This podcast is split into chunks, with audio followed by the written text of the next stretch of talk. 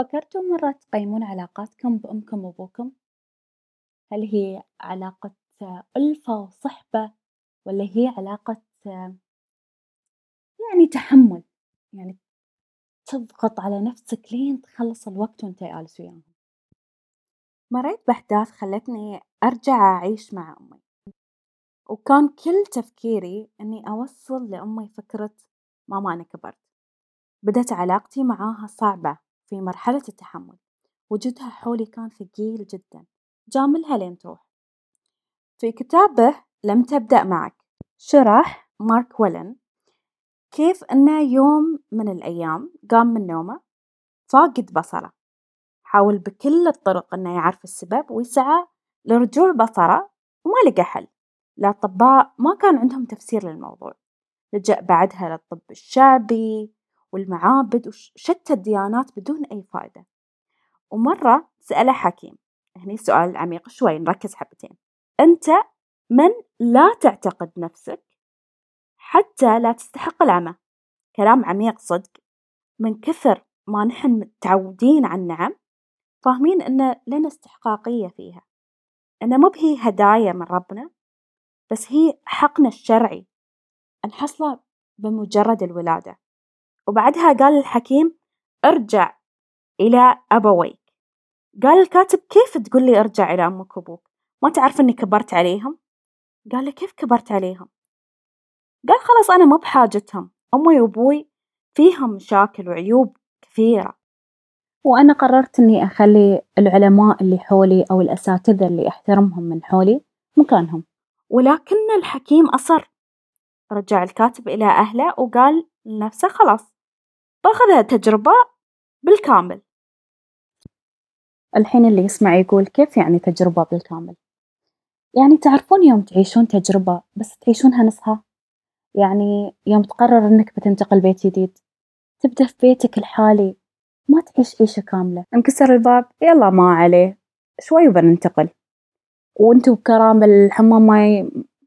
الماي ما يشتغل في الحمام يلا ما عليه شوي وبننتقل، إنزين الشبرية انكسرت. فهمتوني؟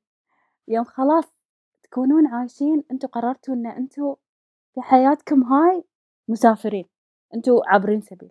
ما بتعيشون التجربة كاملة، ما بتستلذون بكل لحظة فيها، فهو قال دام إنه يعني الحياة جرتني يعني ردتني لأمي وأبوي خلاص أنا يوم بعيش وياهم بعيش تجربة كاملة، خلاص أنا بقول إني بستمتع بكل شي، وصدق استمتع بكل شي، قال أول شي استمتعت فيه هو حضن أمي، كانت دايمًا يوم تحضني أحس إنها أحس إن حضنها ضيج وأحس إنها تبغى تخوز عني، بس هالمرة لأ قلت هالمرة أنا بستمتع. كيف؟ الإنسان البشري يعبر عن حبه بطرق مختلفة، مرت سنين وكان شغل الكاتب الشاغل إنه يرد العلاقة طيبة مع أمه وأبوه، مو طيبة يوم نتكلم عن طيبة ما نتكلم عن درجة التحمل اللي تكلمنا عنها في أول الحلقة لأ، كان يبغي الكاتب يوصل لدرجة عمق في العلاقة، في يوم من الأيام قام الكاتب من نومه ورد له بصرة سليم مية بالمية، حياتنا وتأملاتنا قد نجد إن أغلب العلاقات في حياتنا هي مرآة للمشاعر اللي حسيناها بالطفولة. اتجاه الحب اللي تلقيناه من أبوينا، شعرنا برفض نبحث عن شريك حياة مو متقبلنا نفس ما نحن، شعرنا بخذلان ندور عن شريك يشعرنا نحن بالخذلان، نركز حبتين على فكرة الطريقة اللي شعرنا بها تجاه أبوينا تجاه رعايتهم مو برعايتهم ذاتها، يمكن بعضكم يقول لا هذي صوب وهي شوف صوب، إذا ما تصدقوني خلنا نسوي تمرين كتابي ويكون صادق، أبغيكم تأخذون ورقة وقلم واكتبوا. أمي كانت وأوصف أمك وركز إنك ما تصلح لنفسك عشان ما ندعي المثالية ونكون صادقين، وبعدها اكتب ألومها على ونفس الشي أباك أصدق ما تكون مع نفسك في هالتمرين، وبعدها عيد التمرين نفسه على الأب. أبوي كان وألومه على. خلصت؟ الحين أكتب شريك حياتي أو صديقي المقرب أو أي حد تعتبره أقرب شخص لك تقضي وياه وقت وايد. كان أو هو الحين ووصفه بصفاته التامة بدون ما تصلح لنفسك. وبعدها اكتب ألومه على واكتب واسرد كل اللي تلومه عليه. بعدين ركز على تشابه بين الثلاثة وبعدها قيم مشاعرك. تسفيه المشاعر وتغليفها بالسخرية ما يسوي شيء إلا أنه يزيد من قوة الشعور ويخليه يتحكم بحياتكم. مشكلتنا أننا نملك قدسية كبيرة للأم والأب.